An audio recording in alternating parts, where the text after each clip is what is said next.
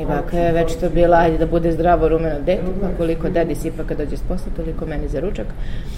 Tako da sam već to jela i onoliko koliko nisam mogla da pojedem. Prestao se bavim sportom, prestao sam aktivno da treniram i onda automatski svake godine sam dobio po desetak, 15 kg Pred vama je priča o životu gojaznih ljudi, kako njihov život zaista izgleda i zašto im se kilogrami stalno vraćaju. O tome otvoreno govori njih četvoro. Dobar dan, ja sam Jasmina Dabić. Počinje opšta praksa.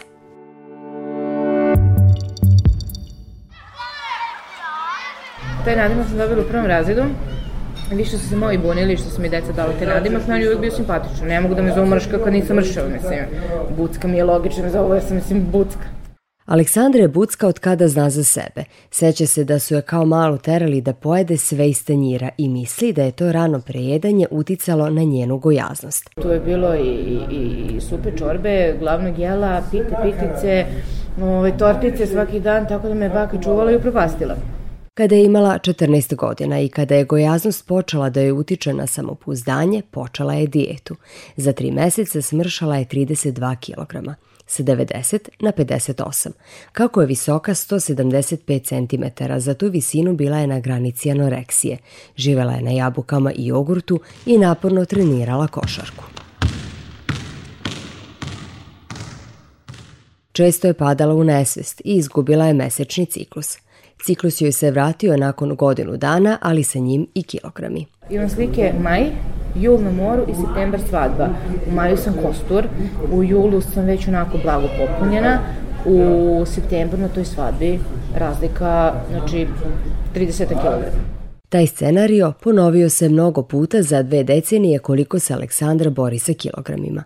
Ipak je sve to vreme rušila stereotipe da su ljudi lenji ako su veliki i te kako ima posla u svom kozmetičkom salonu. Na poslu mnogo sedi, a pošto po čitav dan radi za šetnju i treninge kako kaže nema vremena. Zato da bi smršala proba gotova svaku dijetu za koju čuje. Lični rekord postigla je hrono iskrenom. 57 kg smršala je za godinu dana.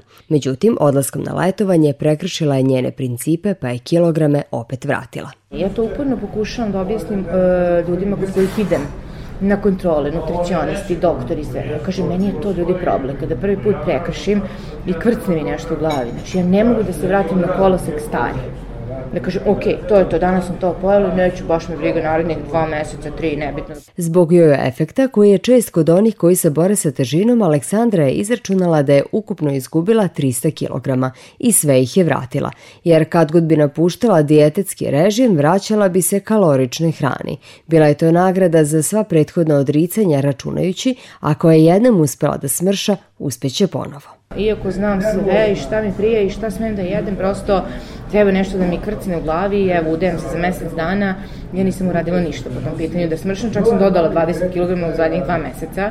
I dok čeka da joj se desi taj prelomni trenutak, svesna je da ugrožava svoje zdravlje.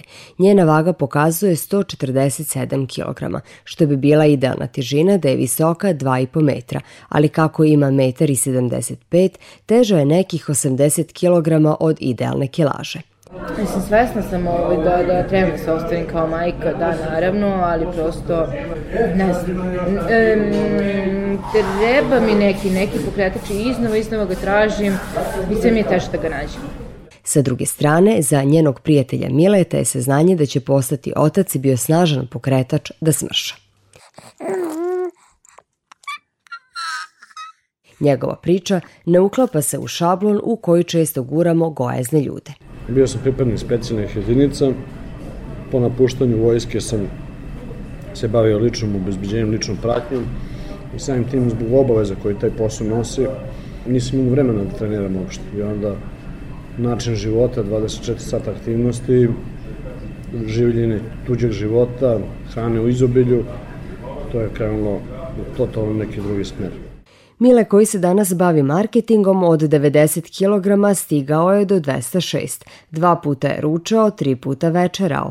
Jeo je, kako kaže, često i mnogo, ali smatra da su toj kilaži najviše doprinali gazirani sokovi. Đorđeva šnicla, punjeni kačkavalj, e, salate, 5-6 gaziranih sokova, i to je jedan od obroka, a takvih imate 3-4 u toku dana. To ga je dovelo do toga da je 2017. godine imao 206 kg na svojih 187 cm visine. Vezivanje pertlije je postao problem, garderobu je morao da šije, da bi mu bolje držala nogu, morao je da nosi duboke cipele i leti. U kafićima bi mogao da sedi samo u separeu, a bez vazduha bi ostajao ako mora uz ili niz stepenice. Te i slične teškoće sa kojima se Mile svakodnevno suočavao, Slavica je uvidela tek kada su pre dve godine započeli zajednički život. U toku noći dok spava imao bi recimo problem sa disanjem gde bi morao u toku noći više puta da ustane da sedi jedan period. Tako da, kažem, sem tih zdravstvenih problema postoje i ti neki koji se ne vide na prvi pogled, odnosno ne možemo ni da pretpostavimo šta sve nekome može da bude problem. Budući da se 20 godina, praktično polovinu svoga života bori sa viškom kilograma, Mila je verovatno probao svaku dijetu i svaki preparat za mršavljanje koji vam pada na pamet. Jer sam probao bukvalno sve, od svemirske hrane koju jedu marsovci do, do čarobna tableta gde smršate dnevno kilogram, strogo treba voditi računima šta ima u tom proizvodu, jasno čitati deklaracije jer je generalno većina toga prevara. Uprkos tome, pretpostavljao je da sa više nego dvostrukom većom težinom od idealne krupnim koracima gazi ka srčanom udaru ili nekom drugom oboljenju, ne bude li nešto preduzeo. Pa s obzirom da sam već krenuo u neku totalno drugu dimenziju, da sam počeo da se slabije krećem, da su počeli da otkazuju zglobove, da sam dva puta lomio nogu zbog pucanja ligamenata, znači bukvalno sam imao pritisak, srce, leva pretkomorna uvećana, bukvalno sve što se dešavalo, dešavalo se jako loše po mene. Znajući da njegov slučaj nije usamljen, Mila je osnovao udruženje za prevenciju i borbu protiv gojaznosti. Tri godine nakon osnivanja ono ima oko 5000 članova, od kojih je najteži imao 260 kg. Udruženje pruža podršku onima koji žele da oslabe, jer ih čeka duga borba. Mila je prelomio da krajem 2017. još jednom krene na taj put. Žena trudna, dete treba da se rodi, i onda je bilo sad ili nikad. Sad se spašava život. Ja sam ga negde ovaj, isto, da kažem, pokušavala da mu dočaram tu sliku u glavi kada se dete rodi da bi sa tim detetom trebalo izaći uh, u dvorište, igrati futbal, trčati za njim, uh, podučiti ga koje kakvim raznim uh, aktivnostima, fizičkim sportovima i tako dalje, što on ne bi mogao. Neki drugi ljudi verovatno učestvovali odgajanju, vaspitanju, mislim, njegovog deteta u smislu tog segmenta uh, što se tiče fizičke aktivnosti. Pred Miletom je bio veliki zadatak. Alevim ritualima je pribegavao kad god bi bio nezadovoljan, nervozan ili besan. Trebalo je okanuti se bezuspešnih dijeta. Meni je želudac bio razvaljen, meni je želudac bio kao putna torba. On uvek daje e, mozgu da je gladan. Kogo god ja se trudio bilo kakvom dijetom, to je ozbiljno mučenje, to je ozbiljna nervoza, ozbiljne poremeći metabolizma.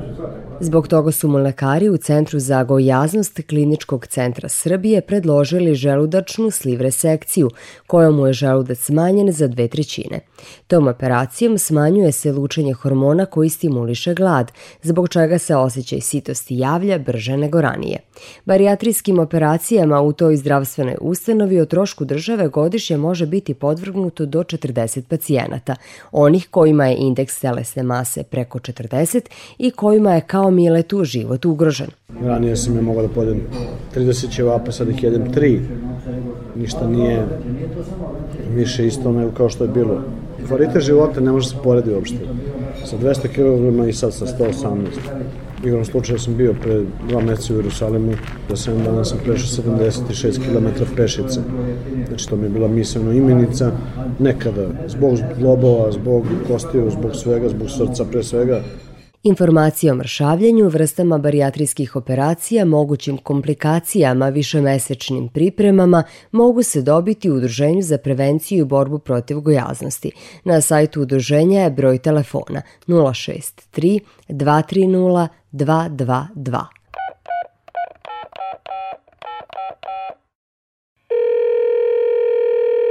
A Mila je tu da pruži informacije iz svog iskustva i podršku.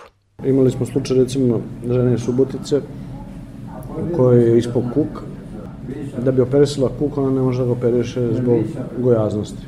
Znači, majka dvoje dece, jako veliki problem, jako loše zdravstvene stanje, lekovi za pritisak, lekovi za srce. Bukvalno su devet vatrogasca donalo u bolnicu. I njoj se život totalno promenio, ona ima sa 60 kg manje. Sad mislim da je u novembru ili decembru zakazana operacija kuka, njoj život dobio totalno drugi smisla. Mile do svog cilja ima još pola godine. Za to vreme treba da smrša još 28 kg kako bi imao 90.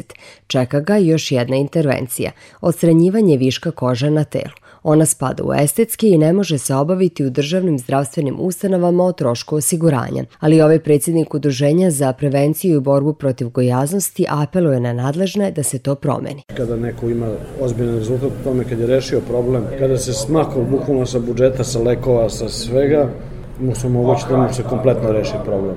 To je moj apel, recimo, kao neko ko je imao ozbiljan uspeh u mršavlju zahvaljujući upravo toj državi. Ja sad već imam psihičke problema zbog toga što mi je stomak visi, što mi je koža razvaljena. Koliko god se priče gojaznih ljudi razlikovale, slabost prema hrani uočljiva je u svakoj. Jojo efekat čest je kod onih koji se vazda bore sa težinom. Zato oni koji žele da smršaju i zadrže tu kjelažu treba da se hrane prema pravilima koje im prepiše specijalista ishrane. Sa članovima ovog udruženja radi nutricionista Zoran Roksandić. Postoje studije u maloletničkim zatvorima u Engleskoj gde su uzeli 10 klinaca od 16 godina koji su hranili na normalnoj hrani, kuvana hrana, supe, čorbe, sve živo, a ovi 10 su bili na džanki hrani, ono najstrašnije. Verujte mi, išli su kod psihologa. Ovi što su bili na džanki hrani, nervozni, anksiozni, agresivni. Ovi su bili mnogo mirniji. Zato svojim pacijentima ovaj nutricionista savetuje domaću hranu bez aditiva. Porcija hrane treba da stane u mali tanjir i da se jede malom viljuškom, tako ćemo ograničiti unos kalorija.